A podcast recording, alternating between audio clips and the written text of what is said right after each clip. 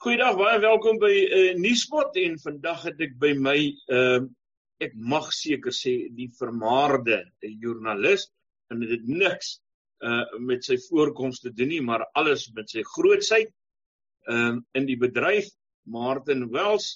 Uh hy is die die bekende redakteur en uh uitgewer. Jy jy het self jou uh, uh Newsweek uitgegee, nê, nee, Martin?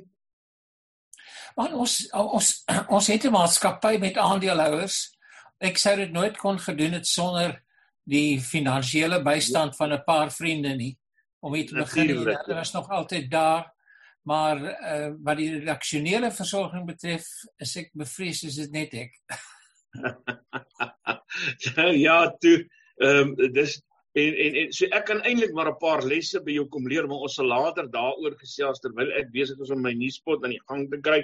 Uh Martin, die rede hoekom ek vandag met jou gesels is 'n uh, is 'n uh, um, redelike wesentlike skenking wat jy in die Universiteit Stellenbosch gemaak het. Um en hulle het dit belangrik genoeg geag om 'n media verklaring daaroor uit te gee, naamlik um al die uitgawes van Newsweek um, al die eksemplare wat jy uitgegee het van die begin af tot uh die onlangse uh einde toe het jy uh aan die Universiteit Stellenbosch geskenk as ek reg met daai feite. Uh halfreg. Uh in in die sin dat die die am, skenkings amptelik gedoen deur 'n trust uh wat die wat die uh, kopiereg ehm uh, en die en die die tydskrifte by ons aangekoop het. Ja, okay. Uh en dit toe aan die universiteit geskenk het. Nou ja, toe, uh, daar Martin het nou heeltemal reg gemaak. ja, natuurlik na, natuurlik uh was ons baie bly dat so iets kon gebeur. Uh Martin, hoe ek wil net ter wille van die van die mense wat kyk, ehm um, uh, hoeveel jaar se uitgawes is dit? Man, ek kan net sê dit begin in 93. So dis hmm. ehm um, sê 27 jaar om en by goeie genigte. 27 jaar van Newsweek uh en ek weet dat dat Newsweek het het het 'n baie baie loyale uh ehm um, lees uh volg uh leesgevolg gehad uh mense wat oor die jare heen uh, uh Newsweek gelees het uh met al die stories wat jy verskaf het. Uh, kom ons bly vir 'n oomblik net eers by die skenking. Wat wat is die belang van die skenking? Uh ek, ek sou sê weer dis moeilike dae. Ehm um, ek, ek raak ook oud en ehm um, mense het nie altyd stoorplek en ook altyd die geheue nie en ek het net gedink dit is 'n goeie plek om dit uh, veilig te bewaar. Uh daar's ook nog 'n rede in is soverre een van ons vroeë ondersteuners was van Sail Stubbert, Frederik van Sail Stubbert. Ehm uh, een van die groot Afrikaner leiers van die oppositie van die DA vandag. Ehm uh, ook 'n goeie vriend van my oor baie jare.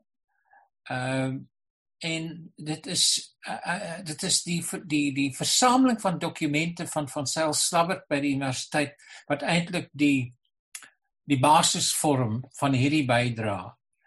Uh ek moet ek moet bysê net om te uh, miskien uh, miskien sê dit iets goeds van albei partye. Op 'n stadium met van Sail en ek uitval gehad. en, en dit het gegaan oor die feit dat ons uh kritiese berigte gepubliseer het oor ehm uh, Eerste Nasionale Bank. Uh en en en van sy ehm uh, buitelandse ehm uh, bankbesigheid destyds en van sy was baie kwaad met my. Hy sê ek moes want hy was op daai stadium ook 'n direkteur van Eerste Nasionale Bank.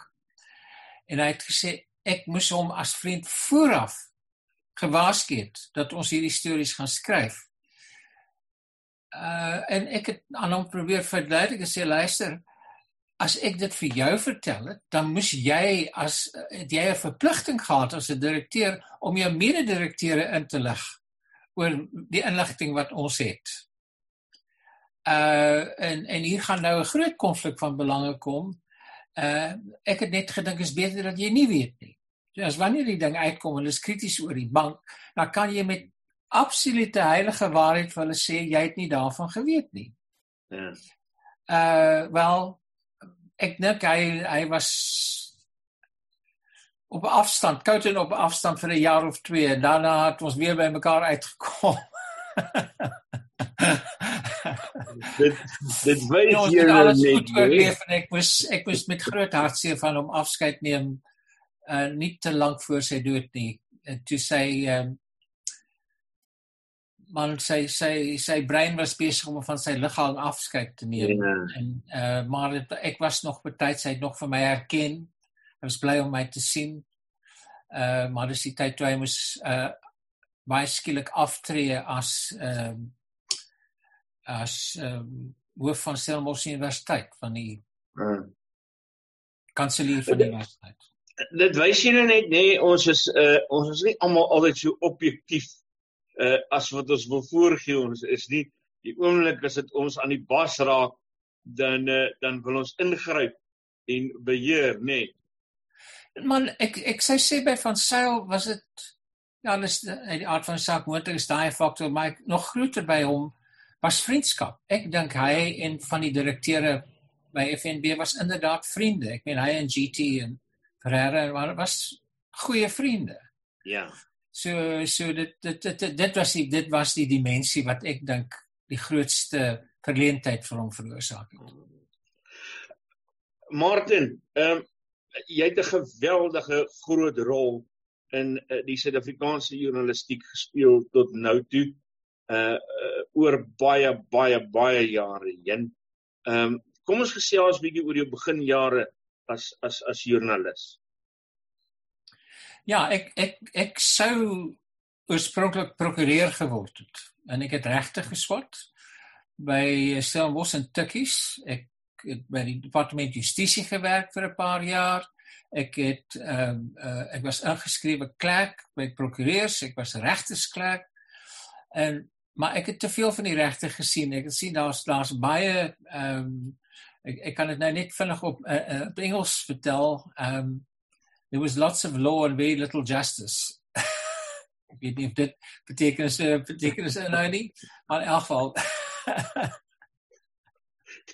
klink klink maar vir my soos die ou wilde weste fliek so ek dink ek verstaan dit reg. Ja ja, dis dit dit gaan uh, baie oor geld en vertoon en uh, heel wat minder oor geregtigheid. Dit was my ervaring in my persoonlike situasie en ek het net toe kom ek tot die insigte maar ek was baie lief vir skryf en ek het daarvan gehou om feite bymekaar te sit en orde te daarom wat ek ook in die regte belang gestel. Uh en toe kry ek werk by die Pretoria News. Maar ja, destyds was die uh, was die redakteur Tersius Meiberg Hy was daar. Ehm um, hy het op 'n dag vir 'n klomp 'n vereniging van jong mense wat 'n uh, 'n uh, toespraak kom hou en gesê julle smart ouens, julle moet by die by die koerante kom werk. Ek dink nie hy eintlik bedoel ons moet môre by sy deur kom klop nie.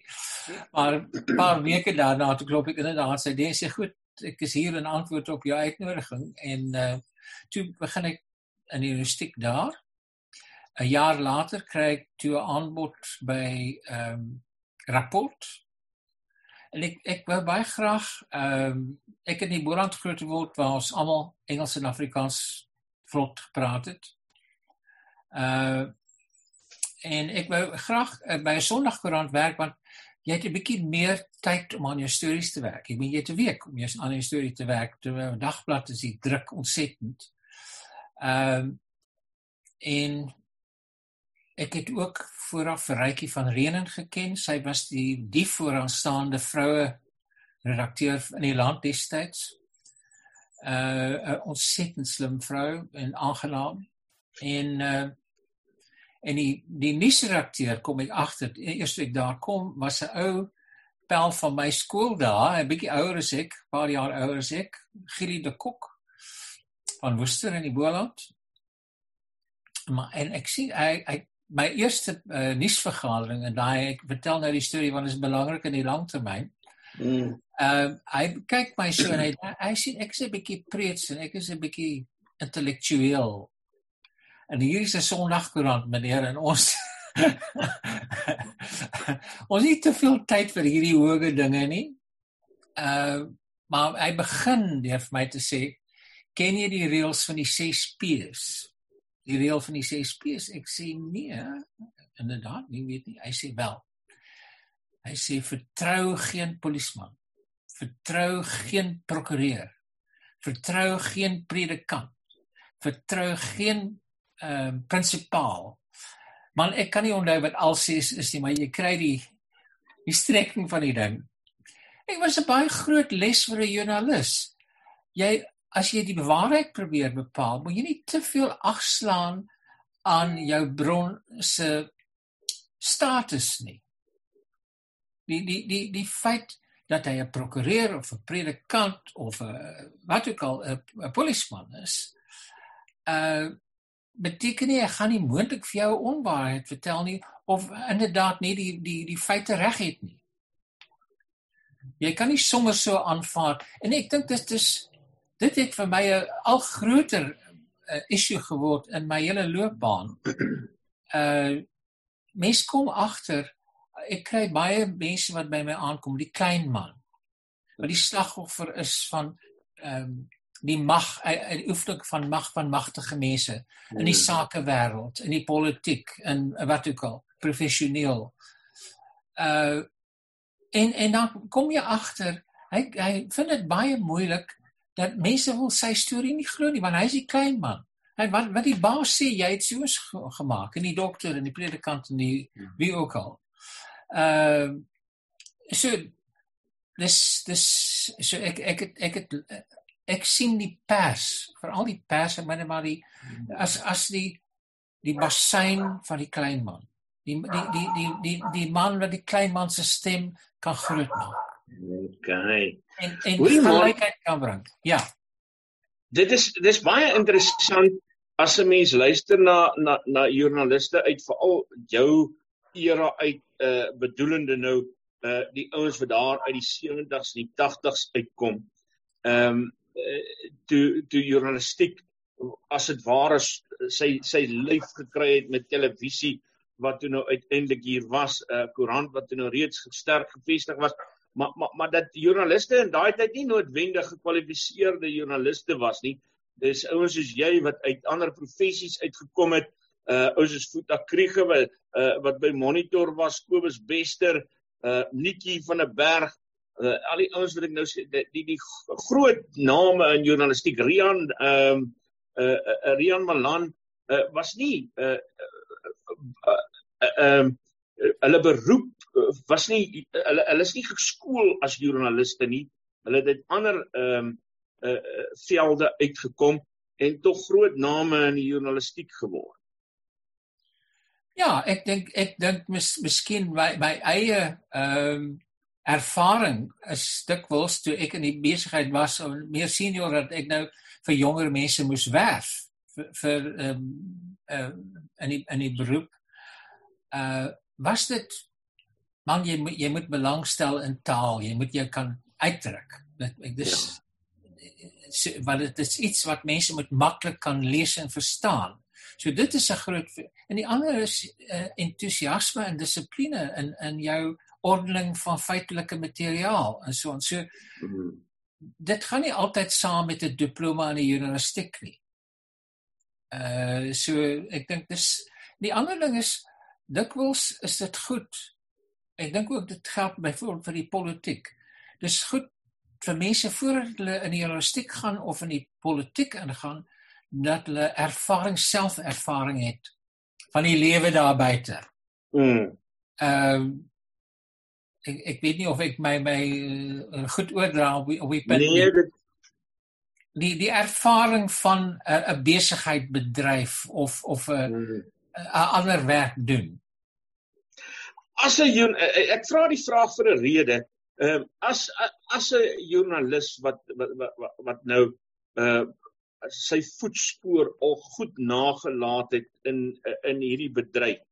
Ehm uh, ek vind baie op op op sosiale media hoe ouer uh, joernaliste, afgetrede joernaliste, ehm um, 'n uh, jonger joernaliste so bietjie verkleineer en sê dat hulle nie dieselfde is as 'n uh, daardie era se joernaliste nie. Uh hoe hoe's jou siening daaroor? Want ek dink nie dis waar nie. Ehm uh, ek dink ek dink daar was goeies, maar ek dink altyd daar is altyd goeies. Ek dink die enigste verskil is 'n joernalis soos enige iemand anders in enige beroep baat by ervaring. Ek meen jy leer eintlik jou werk in die werk self. Ja. Uh jy ken die teorie en jy ken 'n paar tricks hier en daar en wat ook al, maar die harde werk van dag tot dag. En men, as ek mm. van die eerste berigte kyk wat ek in die Pretoria News geskryf het, word hulle is haglik. Ek meen jy kan nie ek kan nie glo dat Dis terrible om sulke goed te sien, hè. Jy ja, ja. En, en ek praat nou uit my eie ervaring ook as jy gedink het jemmel, maar ek was nou grand hier gewees en dan kyk jy nou so 'n paar jaar later terug en dan besef jy jy was nie grand gewees nie. Nee nee nee en ek so, so nou nou ja na 'n paar jaar dan ken jy nou hoe die ding werk en jy het nou al 'n paar naks gevat soos hulle sê jy weet nou waar kom die dinge vandaan. Ehm um, ek moet sê tot heel wat later in my loopbaan was ek nog aan die leer. Ek het ja. by aan die einde um, na aan die einde van my uh, loopbaan in die groot koerantwese het ek gewerk uh, onder redakteur Ken Owen. En Ken Owen was nie altyd die vriendelikste ou nie, ou nie. Hy was 'n ehm 'n ehm 'n hervormde dronklap, dronkaard, alkoholus. En uh, hy hy het ek kom leer ken het hy lank nie meer gedrink nie. Hy het net koffie gedrink in groot mate.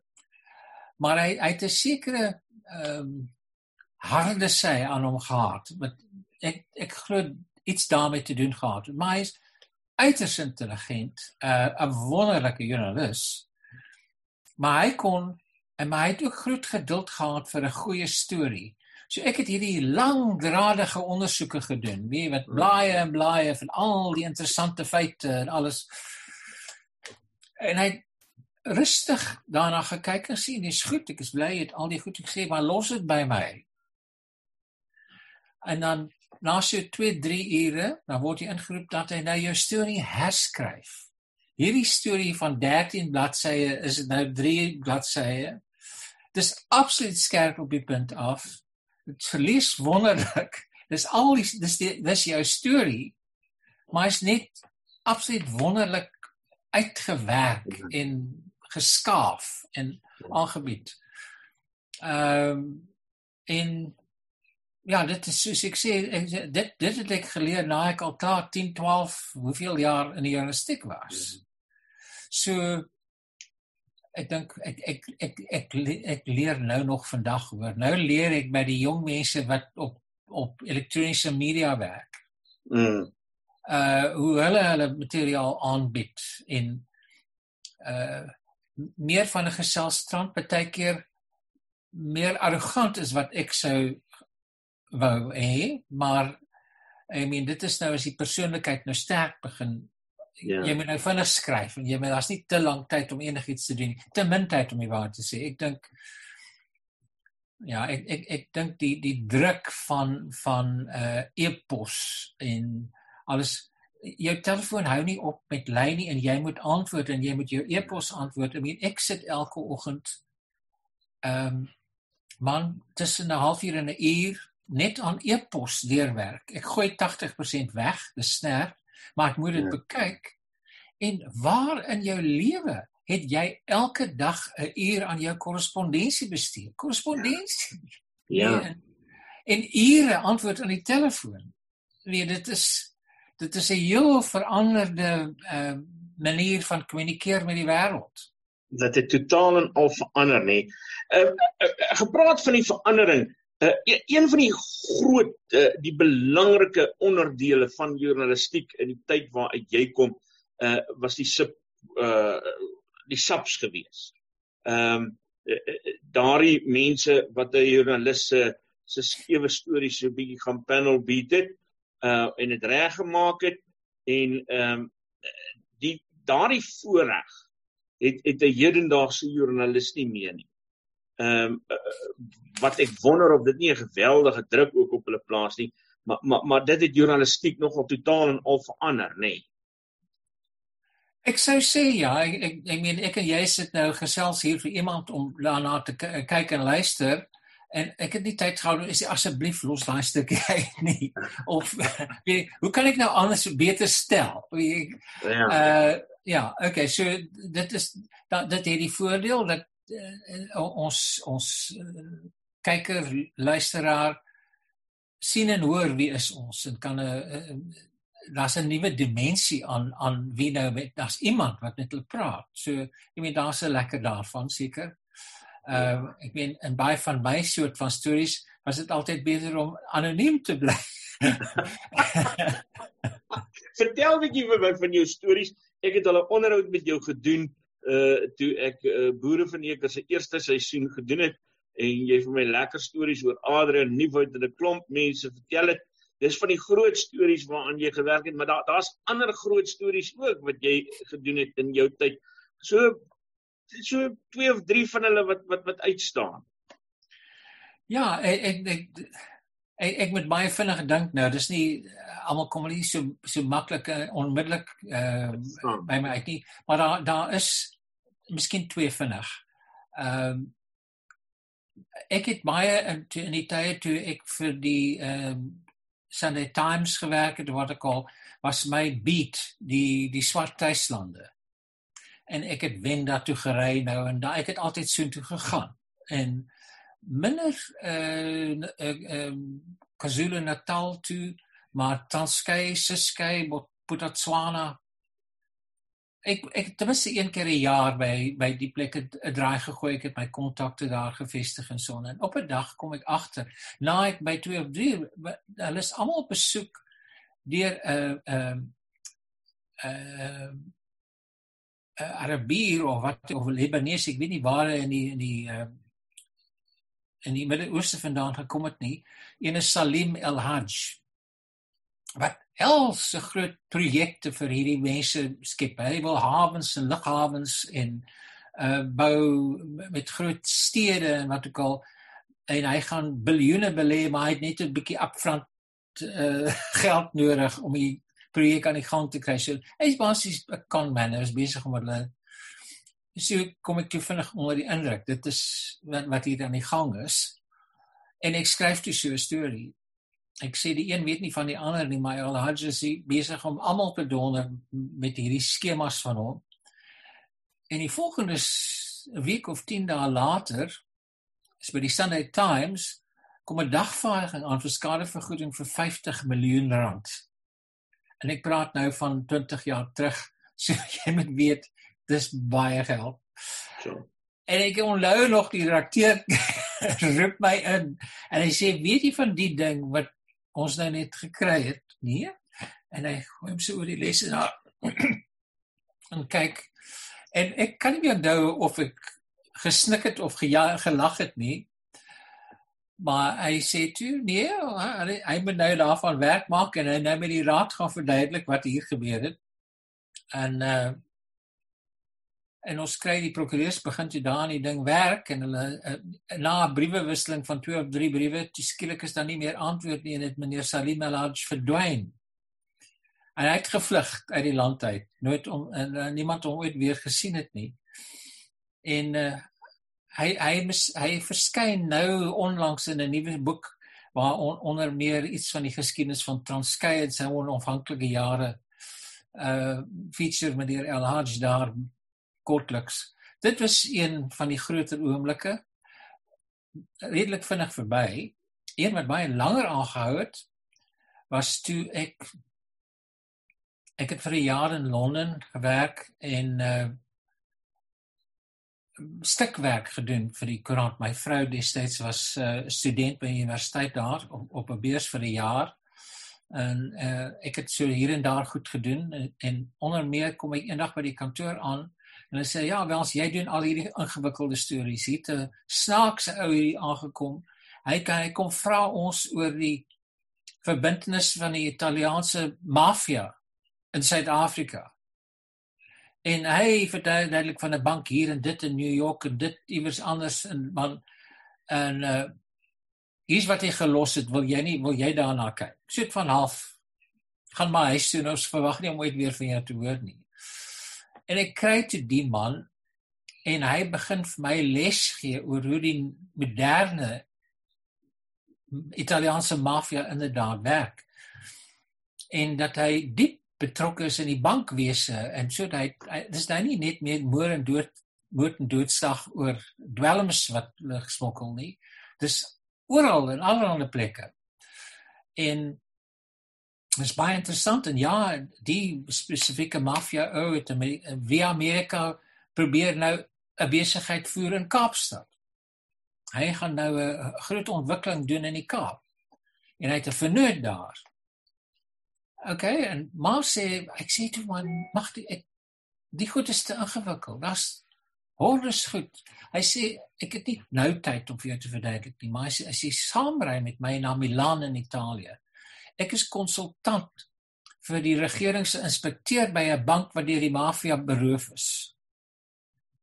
Uh en ek sien die man, ek het afsprake met hom in die oggende. Maar as jy by dieselfde hoteletjie inboek, dan in die middag en die aand is ek vry en ek ry met my koffer vol dokumente, dan kan ek alles vir jou verduidelik hy het vir my geskool vir 'n week lank in hierdie hoteletjie in Milaan. Ek sien hy vertrek in die oggend in 'n 'n huurmotor met 'n taxi met die groen liggie wat sê beset, wie en dan dan ry of rooi, dan ry hy weg kom hy terug sê nee, dis nie 'n werklike huurmotor nie. Dis 'n dis dis uh dit gee voor as 'n huurmotor vir veiligheidsredes. Dis inderdaad 'n sekuriteitsweek uh, voertuig wat hom nou bank toe vat. Waar die waar die amptenaar nou besig is en hy moet nou vir die die uh, man verduidelik hoe werk die mafia met die goed. En in die middag dan kom hy nou praat hy nou met my. Ek het so intensiewe opleiding gehad in die mafia en die storie na na die week verby is, ek gaan terug Londen toe. Een nag twee in die oggend lei die telefoon. Hier bel 'n vrou wie ek nie ken nie en sê, "Is ken jy vir die man wat my gesien het? Was sy naam sy naam is Alec Manson? Manus, Alex Alec Manus." Hy sê, "Ken jy vir meneer Manus?" Ja, hy sê, "Hy sê doen my guns. Laat vir meneer Manus weer die man wat hy oor die week bygestaan het, is vanmiddag doodgeskiet." Dis toe hierdie bankamptenaar daai middag hier of twee naals daar weg is het hy uit die kantoor uit gegaan op die sypaadjie voor die bank is hy doodgeskiet deur die mafia. So ek het rede gehad om te glo die stories wat ek nou vertel is is die die ware ding. Bietjie later kom 'n man in Suid-Afrika aan onder vreemde omstandighede by die, by die naam van Vito Palazzolo. Nou Vito Palazzolo word 'n lewenslange verhaal vir my want ek is die enigste ou hier wat eerstens iets weet van die mafia. En ek het toevallig ook iemand ontmoet in Londen by die London Sunday Times 'n Amerikaanse vrou wat die Amerikaanse sy van die mafia geken het. Die hele verhaal van Chicago en New York en en al die groot mafia manne daar. En tussen hulle en ek, ek kon ons uitpleis waar kom meneer Palazzolo vandaan en hy is inderdaad 'n bankier vir die mafia. Hy's nie die ou wat skiet en maar hy is die ou wat smokkel met die geld en en wat ek al en hy was inderdaad in die tronk in Switserland vir sy rol in die smokkel van geld uit Amerika uit van al hulle dwelmverkope daar. Uh en hy's gefonnis en hy's 3 jaar tronk. Hy het uit die tronk uit ontsnap oor Kersfees. In Switserland is hulle baie goeie ouens, jy weet nie as jy in die tronk en jy wil by die familie gaan kuier vir Kersdag, dan kry jy 'n pas. En hy het nou die Kersdag pas gekry. plus plus hy het 'n hy het 'n het die paspoort gekry van 'n ander prisoner in die tronk waar hy sy foto ingeplak het. So hy het 'n nuwe identiteit. Klim op 'n vliegtyg en kom in Johannesburg aan. En hy sê nuwe mens weet nie, nuwe wie weet wie nie, hy kom kuier hier. En hy ek wil jou net sê, hy is intussen na jare weer terug Italië toe. Hy het 'n paar jaar in die tronk daar gaan uitdien as lid van die mafia. Hy sê Hy's weer in Suid-Afrika. Ek weet nie hy woon hy's nou op sy ou dag. Ek weet ek gaan hom nou nie verjag in sy 80er jare of wat ook al nie. Maar Maar mens mens wonder hoe die wêreld werk. Wie ek weer eens sê ek ek Vito Palazzolo is alleen in Suid-Afrika en hy's nou hier vir 20 jaar. Ja. So sê uh bloed oor sy geld ek hoe hoe sou Suid-Afrika andersins so 'n senior ehm um, internasionale krimineel toelaat. Hy hy het hy het met valse dokumente hier aangekom. Hy het met valse voorwendsels Suid-Afrikaanse burgerskap gekry. Hy het burger geword op voorwendsel dat hy 'n skei burger was. Daai burgerskap het hy gekoop en toe omdat jy 'n blanke is wat 'n skei kwalifiseer jy onmiddellik vir Suid-Afrikaanse burgerskap. Dit was alles op valse dokumente. Nou in elk geval. Hoorie, maar dis dis 'n groot storie wat vir jare aangehou het. Nou kyk, men ek ek vertel hom nou want ek nou 'n paar maande terug hoor ek hy se gas by 'n um, baie interessante hotelletjie in die Kaap. Dis baie dis geweldig interessant. Uh, Martin, uh joernaliste word baie keer so bietjie uh op 'n uh, op 'n uh, um uh verhoogie geplaas. Ehm um, en en en uh daar word so bietjie met bewondering na hulle gekyk uh uit sommige oorde uit, nie altyd nie, uit ander oorde uit is hulle ehm uh, is hulle reg uit die hel uit. Ehm uh, maar ehm uh, uh, dit ons het nou gepraat uh toe jy gesê het van as 'n mens nou terugkyk na die goed wat jy in die begin gedoen het en wat jy later gedoen het, dan is daar 'n groot verskil. Maar maar maar jou senioriteit vrywaar jou nie ook altyd ehm um, daarvan om nie nog verskriklike blapse in die lewe te maak nie. Partykeer uh kry joernaliste dit maar reg dat hulle hulle hulle ervaring en hulle uh, grootheid ehm um, so 'n bietjie die oorhand kry en dan maak hulle groot blapse. Ehm um, is daar van jou blapse wat jy bereid is om te deel as jy blapse het? Ehm um, ek het baie. Ek het blapse, maar ek weet nie of ek daaroor wil praat nie. ons sal dit respekteer. Ons sal Kom ons gaan nou Nousweek toe. Uh, Nousweek het ek nou-nou gesê in die begin het 'n baie groot rol in die Suid-Afrikaanse journalistiek gespeel. Ehm um, jy het ehm het 'n bietjie van 'n ander benadering met Nousweek gevolg as wat die wat die hoofstroom media volg uh uh bedoelende uh, ons is versigtiger in die hoofstroom media uh maar hier aan die onafhanklike kant soos wat jy met Newsweek was en en miskien ook so 'n bietjie uh wat ek met Nuuspot soms doen is dan waag jy so 'n bietjie meer.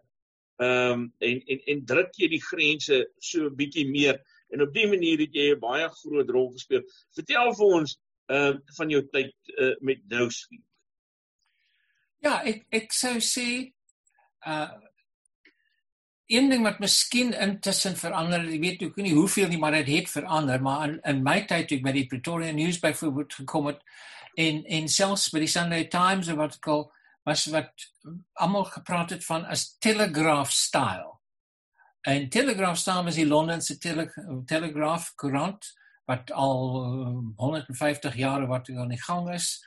En dit was dit kom uit die dae toe koerante uh letterlik uh lood plaatjies was wat in 'n in 'n in 'n houtkis met kolomme is daar daar's daar's sit is ek kan nie meer nou die die Engelse woord is stack jy jy pak ja. jy pak hierdie reels hierdie loodreels met met 'n reel van koerant woorde pak jy nou eendag die storie en, en jy pak hierdie gangetjies in hierdie boks vol en dis die Koran en dis die kolomme van die Koran. En nou in daai dae was koerante daar was nie televisie nie, daar was nie radio nie wat ek al so daar was baie van daai koerante drie uitgawes se dag gehad. Jy die oggend en die middag en die aand uitgawe gehad. Uh, en toe ek by die News begin het, het hulle inderdaad 'n vroeë en 'n laat uitgawe gehad elke dag. Dan uh, dan ontwikkel die storie. Daar's 'n hofsaak aan die gang. En die eerste uitgawe kan alleen berig doen oor wat getuienis in saak tot teetyd of laaste etenstyd. Maar nou na hier hier so so half 4 se kant hier nou na verder getuienis gekom en iets dramaties het het gebeur. Nou moet daai daai storie verander word en hy lê nou in, in sy kassie. Hy hulle kan nou nie te lank Peter nie. Daar's net hulle kort hy, hy jy wil nou 'n paragraaf byvoeg en 'n nuwe kop. Nou moet jy iets uithaal. Nou hoe het hulle dit reg gekry? Jy moet nou daar moes jy jou storie skryf. Jy het jou kop, jy het jou eerste paragraaf wat die hoofpunt van die storie vertel. En so elke paragraaf wat jy sit is is is is is die status van die inligting wat in hom is. Sodat as hulle kort is van kan hulle die laaste paragraaf of die laaste twee paragrawe, laaste soms so uithaal sonder dat jy skade doen aan die dit wat oorbly van die storie. So daar's daar's nou nie meer van 'n uh, eh, 'n uh, eh, jy kan nie meer 'n storie vertel wat die punchline hier aan die einde kom nie. dan gaan jou storie vernietig word. Niemand gaan weet waaroor gaan jou storie as hulle die laaste paragraaf uithaal nie. So jou storie moet duidelik van begin hy's 'n piramide styl van ja. groot tot klein onder. Nou dit kan baie vir vir vele geraak. Die tweede plek is die koerant het altyd gepraat met daai ehm um, goddelike uh objektiviteit. Wie ja. dis dis die feite. Wie is dit van dan hier lê hulle sit van dan. Ehm en is natuurlik ook 'n onwaarheid want ja, dit is miskien die feite. Maar is die feite soos jy hulle verstaan het nommer 1. Nommer 2, jy het hulle nou gerangskik soos wat jy as belangrik skou of nie belangrik nie. Jy het heel waarskynlik baie feite uitgelaat wat jy as on, onbelangrik of as uh, man hulle pla jou storie. Jy het nou 'n lekker lyn aan jou storie. Nie gaan jy nou hier's 'n hier's 'n feit wat die wat die Dis wat daai ding van wankel. Ja, so nie 'n goeie storie met feite bederf nie. Ja, so nou okay, so nou ek sê ek my mense lees baie elke besikkie inligting in die koerant is nie van onmiddellike waarde vir die leser nie. Maar hy stel belang, hy's geïnteresseerd, maar dit moet boeiend wees. Dit moet interessant wees. En dit is boeiend en dit is interessant.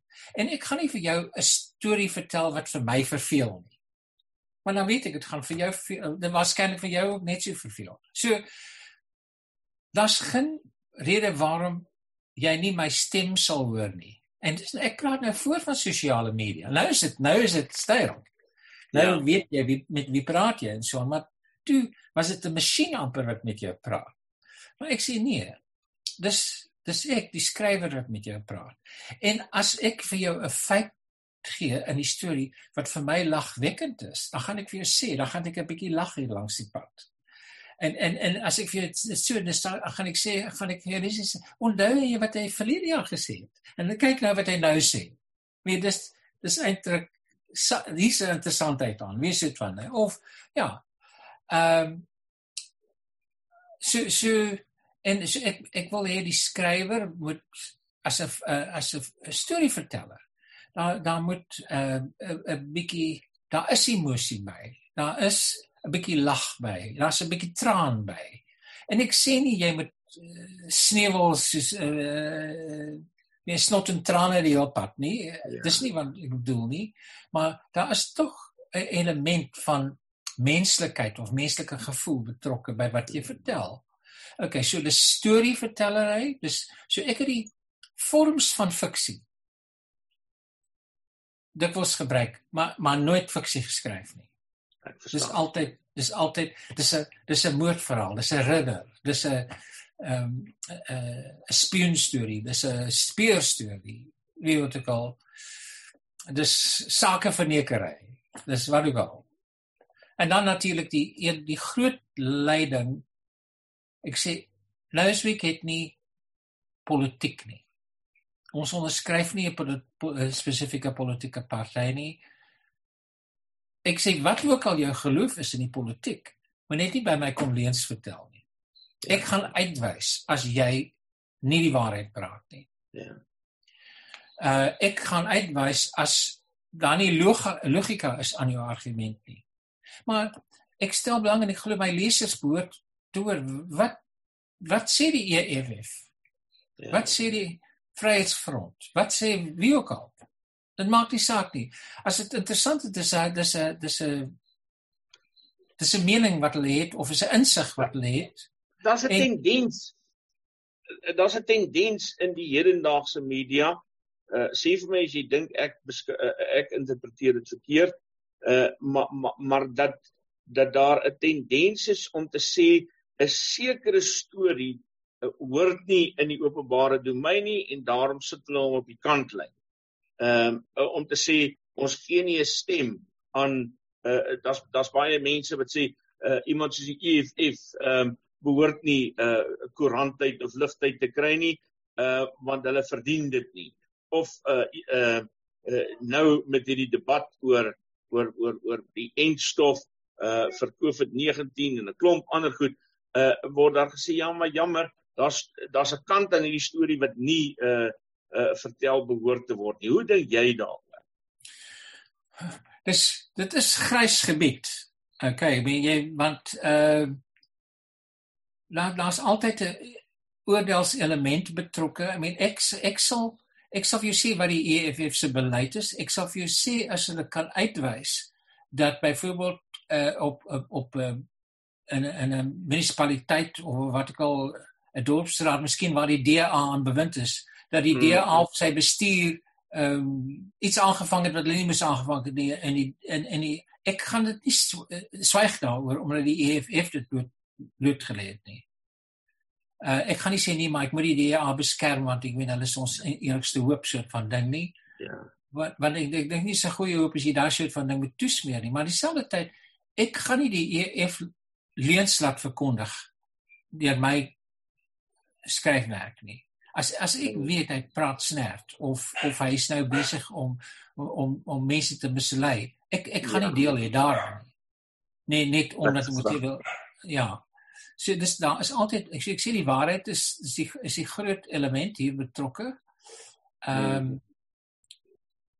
ja en so, en uh, ja dis dis omtrent al die ander die ander ding is ek dink daar is daar's baie om in die land om te skryf buiten die partytetiek. Men ja. wat gaan aan in besigheid? Wat gaan aan in die sosiale wêreld of wat kal en is so is ehm um, is is net so belangrik, net so en meen daar's maatskappye in hierdie land wat wat kapitaal met geld bedryf wat omtrent gelyk is aan die regering of ten minste aan nee. verskeie staatsdepartemente. So hulle invloed aan aan hoe dinge werk in die land is is reus. Mm en uh hulle hulle behoort net soveel aandag te kry op uh, en en daar in 'n sekere sin was Newsweek sy sy sy swaar kry was ook wat hom vrygemaak het. En sin ons het nie baie advertensies ooit gekry nie. Die gevolg is ons moes nooit agslaan op hoe pas op. Moenie uh ons groot adverteerder vir vreemde nie anders gaan anders gaan ons gaan ons nie meer ons salarisse kan betaal nie. Ja uh hulle was nie vir reg nooit daar nie. dit het nie saak gemaak. Dis die Kom ek kom ek hoor by jou ehm um, ek ek wil nou nog vir jou twee vrae vra. Hierdie ene ehm um, uh, gee bietjie vir my 'n 'n 'n blik oor die journalistiek uh, die hedendaagse journalistiek soos jy dit sien.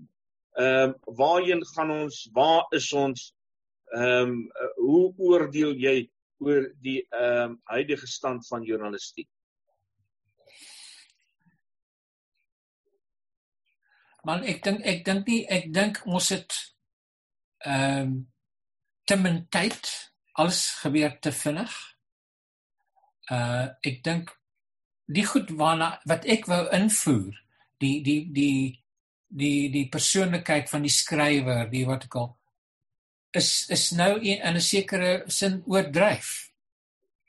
Dan dit gaan nou alles net oor die individu en en dis ontsettende arrogante uh arrogante mense wat opinies het oor allerlei dinge en so hulle hoef nie eers twee keer te dink nie dan skryf hulle sommer 'n bladsy oor uh oor iemand en, en maak hom totaal af jy sê van ding of wat ek al ehm um, ek dink dis 'n gevaar uh vandag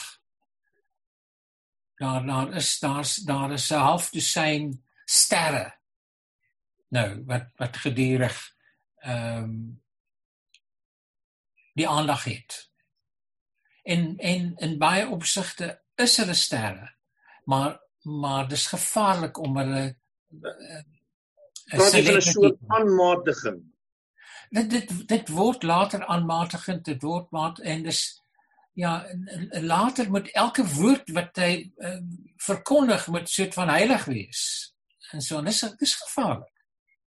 Ek meen ek het uh, ek, ek ja ek ek wou 'n voorbeeld gee maar ek wil nie kollegas nou aanval nie so nee ek onthou toe ek nog by monitor was ehm uh, jy hoef nie te reageer op die storie nie Uh maar ek onthou dit Max de Pre het eendag vir my uitgetrap. Uh toe ek nog by monitor was en ek uh toegelaat het dat iemand oor die lig uh vir Pieter de Tooi um kritiseer. Um en te sê hoe kan jy toelaat dat iemand so 'n senior uh joernalis uh oor die lig beledig? En dis nie ek wat dit toegelaat het nie, dit het nou gebeur in die loop van die program. Ja ja. Uh, maar die punt wat ek wil maak is en dit is sonder om vir Pieter 'n tooi af te maak of vir Max af te maak. Ek vertel die stories soos dit gebeur het. Ehm um, ek het gewonder daai dag ehm um, nie dat Pieter dit tooi dit noodwendig verdien het nie, maar wat maak dat 'n joernalis nou kon sê hy's nie gekritiseer mag word in die openbaar nie. Ehm um, dis dan dis dis dan 'n bietjie te ver gevat om jouself as 'n joernalis op daai uh, eh, uh, eh, pedestal te plaas nie. Ja, sien uh ek ek ek ek ek ek ek is nie een van die wat sê uh uh journaliste is bo, bo verhewe bo bo kritiek nie. Uh, absoluut nie. Ek meen ek mm. ek sal uh reguit reg ek, ek ek het al al groot debatte en verskille gehad um veral op sosiale media. Ek het 'n groot uh ek ek en Jacques Pau byvoorbeeld was lank kollegas op rapport. Ehm uh, ons het saamgewerk met van die dinge wat hy gedoen het met Max op Vrye Weekblad. Uh so ons ons ken mekaar goed. Hy's 'n bietjie jonger as ek. My waar te sê, ek was sy leermeester vir 'n ruk by Rapport. Uh op op 'n dag toe toe ons nou begin berigte doen oor oor SARS in die sogenaamde ehm um, eenheid eh, spioneenheid by SAS of dit nou wettig of onwettig was. Ehm um, en on, ons het in in in 'n Newsweek 'n berig geplaas waar ons in in gesê het dis die klagtes teen die mense.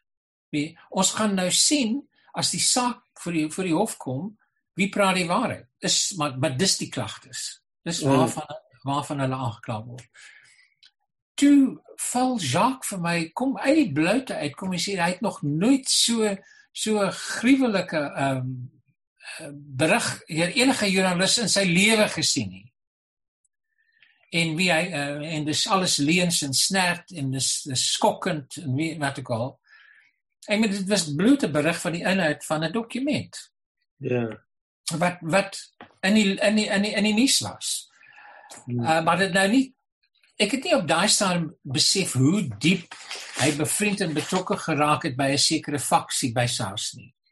En dat hy van hulle afhanklik was vir inligting vir vir die roem van sy groot boek wat hy geskryf het. Het baie van van die materiaal van van sy kontakte by SARS gekom mm. en hy wou hulle beskerm. Maar by nou ja, toe ek nou dit dit uitwys en sê dis dit nou 'n gruwelike uh, ons praat nou nie meer met mekaar nie. Ek meen hy hy hy hy's op 'n stadium sê ek is 'n leenaar. Want ek, ek, ek eh, ons ons wys toe daarop dat uh, hy hy sekere dinge namens die SARS mense, hy sy invloed in die koerantwese gebruik ja. om te bepaal wat gepubliseer word en wat nie gepubliseer word nie. En toe ontken hy sê ons is 'n leen. Dis 'n leen. Toe wys ons die die epos tussen hom en die koerante en almal dit kom toe uit die rekords uit van die van die SAS ondersoeke. Hmm. Uh, toe sê die Leonard nie ek nie. maar ek mens mens wil die ding ek ek wil nie uitbrei wat daarna gemeen ek is dis 'n groot jammerte met my hmm. betref wat aan die einde van die dag gebeur het. Ehm uh, maar nou ja, as ek sê daai soort van ding gebeur. En hmm. en dit sal Ehm um, nou sweek ehm um, ons weet nou almal van die hofsaak, ons hoef nie in die besonderhede daarvan in te gaan nie. Ehm um, uh dis dis 'n hartseer ding wat gebeur het dink ek vir baie mense wat uh, nou sweek ondersteuners is. Ehm um, maar maar waantoe nou met Martin Wells? ek wens ek kon met sekerheid sê. Uh maar uh wat wat ons wil doen. Luister, ek dink nou nou is week het die steun gehad van baie goeie mense. En en ek praat nie van ek praat as steun as lesers, as intekenaars vir, vir dekades en hulle hulle is op elke dorp in die land. Onder meer dis die rede waarom die die, die poskantoor dink ek nou is finaal dood wat my betref ek het nou gister het 'n het 'n posbode by my hek klokkie gelei en gesê al die posbodes is nou afgedank. En en uh, uh wie dit gaan nou deur 'n privaat maatskappy een keer 'n maand gaan hulle briewe aflewer. Dit gaan 'n so nou ja, ons kon nie meer ons tydskrif by ons intekenaars uitkry nie. Daar daar is nie 'n poskode in die land waar daar nie een of twee Newsweek intekenaars was nie. Ja. En dit is die wonder van die ding. Nie sit van ding en dis elke taalgroep man, vrou, jonk, oud, meestal 'n bietjie ouer. Mense wat nog hou daarvan om uh, hulle tydskrif te lees. En so aan, maar uh, so die die ons kan nou nie meer druk nie. Ek meen die koste is net te groot en ons kan nie afgelewer kry nie. So ons sal nou uh net digitaal wees. Ehm uh, en maar dan is dit net mense wat nog graag lees op op hulle komputerskerm of op hulle op hulle telefoon. So ons gaan baie mense verloor. Miskien dit is uh, en is dis 'n hele nuwe era en miskien gaan ehm um, jonger garde by ons oorneem. En want dit moet dit soek nou 'n jonger stem bestyd. Martin Wells uh van Nousweek, baie dankie dat jy met Nuuspot gesels het. Dankie. Julle oproep.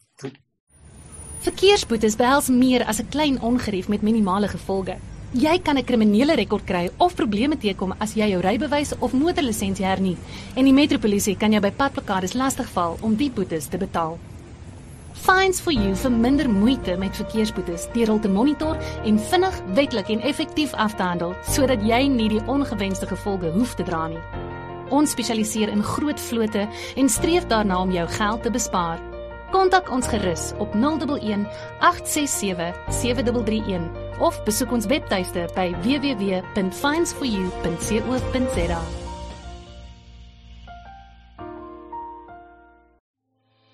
Nispod onbevange, onbegrens, onbevooroordeeld.